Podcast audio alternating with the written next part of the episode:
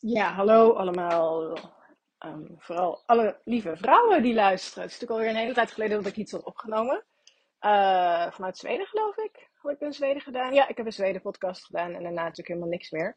Ehm, en ik dacht, het is leuk om jullie even te vertellen hoe het met mij gaat in Nieuw-Zeeland. Ehm, want ik ben bijna drie weken geleden uit Nederland vertrokken. En ongeveer 48 uur later ben ik geland op de luchthaven van Auckland in Nieuw-Zeeland. Daar heb ik een eh, week overnacht in de stad. En daarna ben ik begonnen aan mijn grote avontuur, namelijk het lopen van 3000 kilometer door Nieuw-Zeeland op Te Araroa. Dat is um, ja, New Zealand's Trail van het noorden van het Noordereiland naar het zuiden van het Zuidereiland. En het is begonnen. Dit is iets waar ik echt al uh, zo'n, uh, nou, twee jaar sowieso al voor aan het plannen ben. En eigenlijk deze trail zit al zo'n beetje sinds het ontstaan ervan in 2011 zit hij in mijn hoofd. En uh, ja, als je dan die eerste stappen op die trail zet, dan is dat wel heel bizar. Omdat dat het dan eindelijk gaat gebeuren. En uh, de eerste week was ook meteen een hele intense. Um, maar hij zat ook voor mij vol met leermomenten. En die wilde ik eigenlijk even met jullie delen. Want het is zo dat um, ja, je gaat natuurlijk naar Nieuw-Zeeland of zo'n trail lopen met allemaal verwachtingen. En je gaat van tevoren in Nederland bedenken, tenminste dat deed ik en volgens mij hebben meer mensen dat gedaan. Van ja, ik ga het allemaal doen en um, ik wil elke kilometer lopen. En dan kom je hier aan en dan blijkt dat zelfs al in de eerste twee weken dat gewoon heel veel delen van de trail zijn afgesloten. Uh, heeft vaak ermee te maken dat er um, paden verlegd worden, uh, bossen zijn afgesloten vanwege ziekte bij de bomen die er heersen. Maar ja, dat heeft dus ook tot gevolg dat je ineens heel veel over de weg moet gaan lopen. Of uh, omwegen, moet, omwegen moet gaan maken. En uh, ja, ik uh, had me heel sterk voorgenomen in Nederland. Ik ga elke kilometer lopen, want ik wil die 3000 kilometer aantikken. En ik ben hier en ik denk, ja, echt niet. Ik ga het gewoon niet doen. Ik heb helemaal geen zin in. Dus uh, ik heb besloten om ook te gaan liften als dat nodig is. En als ik geen zin heb om een hele dag langs de weg te lopen. En ik verbaasde me daar eigenlijk over hoe makkelijk het ging. Dat dat in één keer uh, besloten was. Van, oh nou, ik heb er eigenlijk helemaal geen zin in. Want ik had in Nederland dacht ik ga elke kilometer lopen. En nu ik hier ben, denk ik, ja, het is gewoon echt, echt, echt zinloos. Dus dat, uh, nou, je hoeft voor mij niet zo nodig. Um, maar ja, die eerste week van Cape Reinga naar 19 Mile Beach. Oh, dat was hel. Dat was hel. Um, de eerste, nou laat, ik, laat beginnen met um, dat ik in Auckland een week bijna niet heb geslapen. Uh, een week lang heb ik, uh, nou, ik denk misschien drie, vier uur per nacht geslapen, zoiets. En dan echt hazenslaapjes. Ik had, uh, Auckland is enorm veranderd de afgelopen paar jaar. Het is een stuk armoediger geworden, geworden vond ik. Heel veel criminaliteit en daklozen op straat. En ik, ik vond het echt lastig om dat te zien. Um, en mijn straat, waar ik dus vijf jaar geleden ook in een hotel had overnacht, um, was echt niet erop vooruit gegaan. Um, sterker nog, er was gewoon de hele nacht doorgeschreeuw. Ik heb een overval gezien. tegenover het hotel hadden ze nu een uh, 24-hour shop. Oftewel, er waren de hele nacht door mensen, dronken mensen, schreeuwende mensen op straat. En uh, de ramen van mijn uh, hotelkamer waren echt flinterdun. Dus op het moment dat ik al net in slaap was, dan was er buiten weer geschreeuwd en dan schrok ik weer wakker. Dus uh, nou, ik begon echt uh, volledig vermoeid aan mijn uh, trektocht. En daarbij kwam ook nog eens een keer dat ik een verkoudheid te pakken had. Um, de eerste twee nachten had ik alleen enorme keelpijn en slecht geslapen. En toen heb ik um, bedacht, ja, ga ik wel starten of ga ik dit uitzitten? Maar ik dacht, nee, is voor mijn mentale ge gezondheid echt niet goed om nou nog een week in Auckland te zitten en dit uit te zieken. Dus ik ben uh, toch zoals gepland uh, van start gegaan met een flinke dosis uh, paracetamol en ibuprofen. Ik dacht nou, um, als het dan, of dit gaat me er doorheen slepen. En ik heb uiteraard gekeken naar mijn exit strategie. Dus het is niet zo dat ik um, zomaar ben gaan lopen met het idee van het komt wel goed. Ik heb echt goed gekeken naar, oké, Wat als het na één dag niet gaat? Is er dan een exit? Wat als het na dag twee niet gaat? Is er dan een exit? Ja, die waren er elke dag wel. Uh, dus dat heb ik goed uitgezocht van tevoren. Want ja, het kan natuurlijk zijn bij verkoudheid dat het overslaat naar een griep. Waarbij je dan uh, koorts krijgt en zo. Of het kan zijn dat het na een paar dagen weer minder wordt. En ik had de variant te pakken waarbij ik op een gegeven moment, toen ik in de bus zat naar, naar het noorden, dat ik spierpijn kreeg. En ik dacht, oh nee, dat meen je niet. Dat meen je niet. Dus toen heb ik mezelf volgegooid met paracetamol. En um, uh, de volgende dag was het gelukkig beter. Maar ik ben dus gestart aan Taro met een enorm slaapgebrek en met een zware verkoudheid. Of dat heel slim was, weet ik niet. Um, aan de andere kant, voor mijn mentale gezondheid was het absoluut niet goed geweest als ik uh, langer in, in Auckland was gebleven. Dan was ik alleen nog maar, alleen maar nog ongelukkiger geworden. Dus ik ben uiteindelijk op de bus gestapt naar Cape en ik ben daar gaan lopen. En um, ik wist dat de eerste week zwaar zou zijn, of de eerste vier dagen eigenlijk. Maar dat het zo zwaar zou zijn, allemachtig zeg. Ik, uh, uh, je gaat de eerste 12 kilometer is prima te doen. En dan komen er in één keer drie dagen van ongeveer 30 kilometer per dag over het strand. En over niks anders dan strand. Oftewel, ja, het is doorlopen um, over nat zand. Met aan de ene kant de oceaan en aan de andere kant de duinen geen stops mogelijk, als in geen picknickbankjes, mm, boomstammen waar je op kunt zitten. Het is gewoon alleen maar strand, strand, strand en wildernis.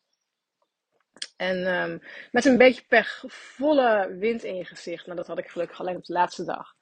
En, uh, en lopen, lopen, lopen. En dat was uh, heel heftig, kan ik je zeggen. De eerste, dag, de eerste dag op 19 Mile Beach ging goed. De tweede dag op 19 Mile Beach ging ook wel redelijk oké. Uh, alleen de laatste kilometer had ik het moeilijk. En de derde dag op Mountain Beach, het was de vierde dag van de trail, was echt verschrikkelijk. Ik had op de derde dag had ik al blaren gelopen. Uh, ik loop namelijk voor het eerst echt op trailrunners. Ik heb wel vaak lage wandelschoenen gelopen, maar nooit echt op trailrunschoenen. En die schoenen heb ik me laten aanmeten. Ik heb heel veel vragen ook gehad van, oh, maar zijn het dan de verkeerde schoenen? Joh, ik heb die schoenen laten aanmeten ooit. En ik ga er dan bij er ja, wel vanuit dat, dat die schoenen dus ook geschikt voor mij zijn. En waar het er bij mij denk ik in zat, is dat ik uh, natte voeten heb gekregen ja, de Araroa is een natte voetentrail. Oftewel, je gaat zo'n beetje elke dag gewoon natte voeten krijgen. En dat is gaan schuren op heel veel plekken. Ja, en dan heb je een zware rugzak op van zo'n 14, 15 kilo. En dan moet je 30 kilometer per dag. En dan is het eigenlijk bijna onvermijdelijk dat je blaren krijgt. Ik ken serieus van ons groepje van 10 met wie we gestart zijn, maar één iemand uh, die geen blaren had. En dat was Tom van I Walk Around the World. Maar ja, die is al 500 dagen aan het lopen. Dus dan is het niet zo gek dat je geen blaren meer hebt.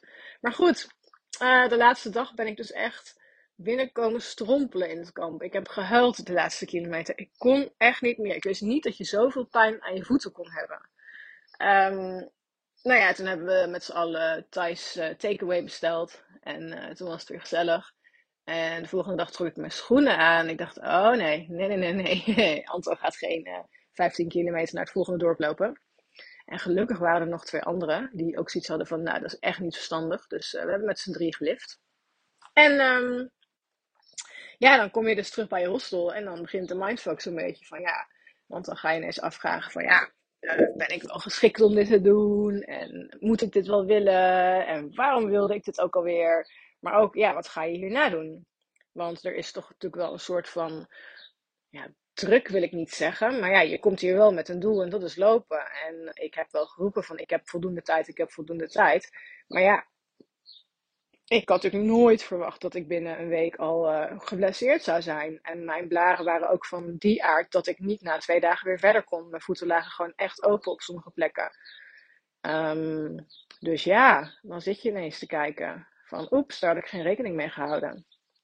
Nou ja, en dan gaat je hoofd natuurlijk van alles bedenken.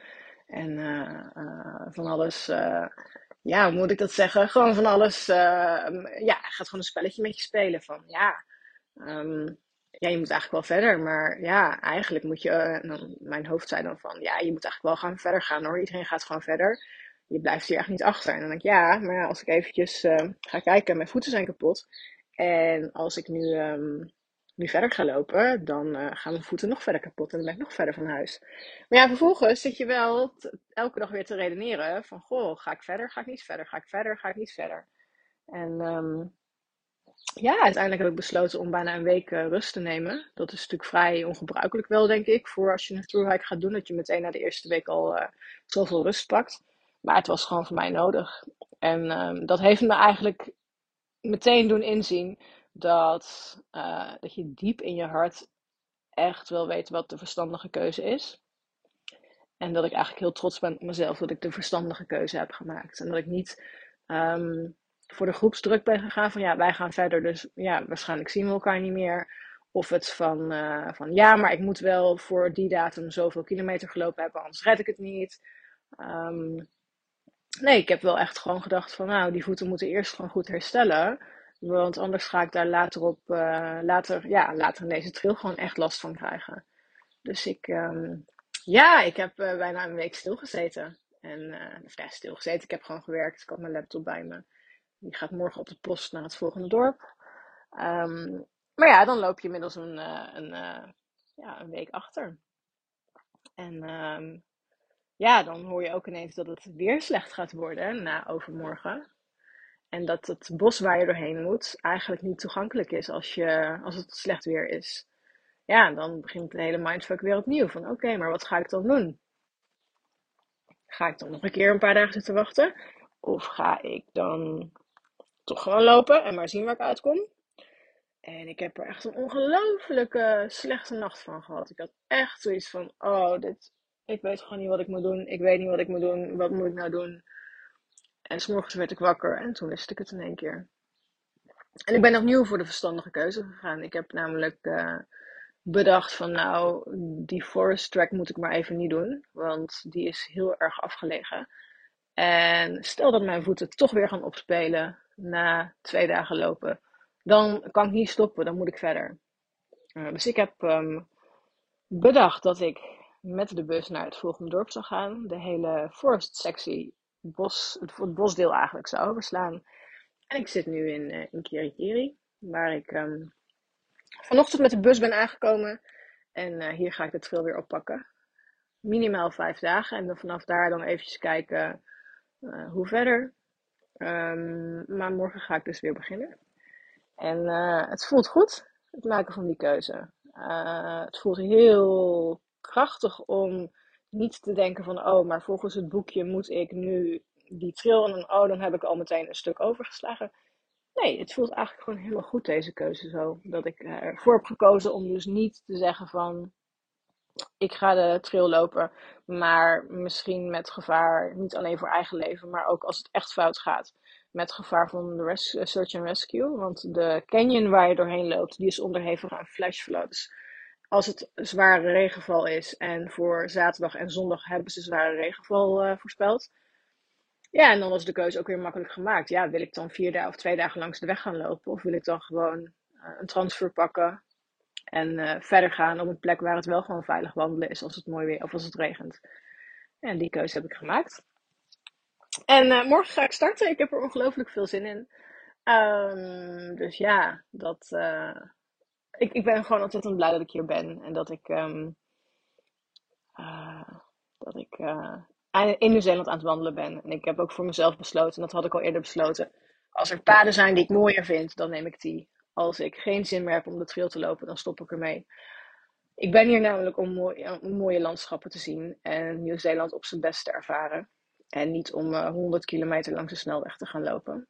Mm, ik ben geen purist. Ik wil gewoon gelukkig zijn en mooie dingen doen. En me happy voelen met wat ik doe. En uh, ja, natuurlijk, daar zal wel eens een keer een stuk weg in zitten van, van een paar kilometer. Maar um, met gevaar voor eigen leven langs een snelweg gaan lopen omdat uh, ja, andere mensen dat ook doen. Of omdat je ja, te trots bent om te gaan liften. Dat uh, past echt totaal niet bij me. Dat had ik niet verwacht. Ik had juist verwacht dat ik echt uh, elke kilometer zou willen doen. Maar ja, zo zie je maar dat je dus toch vanuit Nederland van alles kunt bedenken. En zodra je hier bent, denkt: nope, ik ga het niet doen. Het gaat toch helemaal de andere kant op.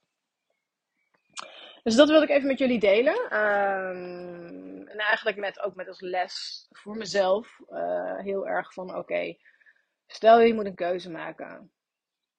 Um, en je denkt na en je zoomt even uit. En je kijkt van: hé, hey, wat is het advies wat ik mijn beste vriendin zou geven?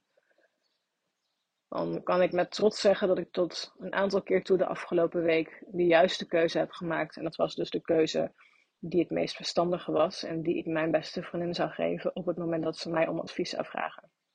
En dat voelt heel goed en dat voelt krachtig.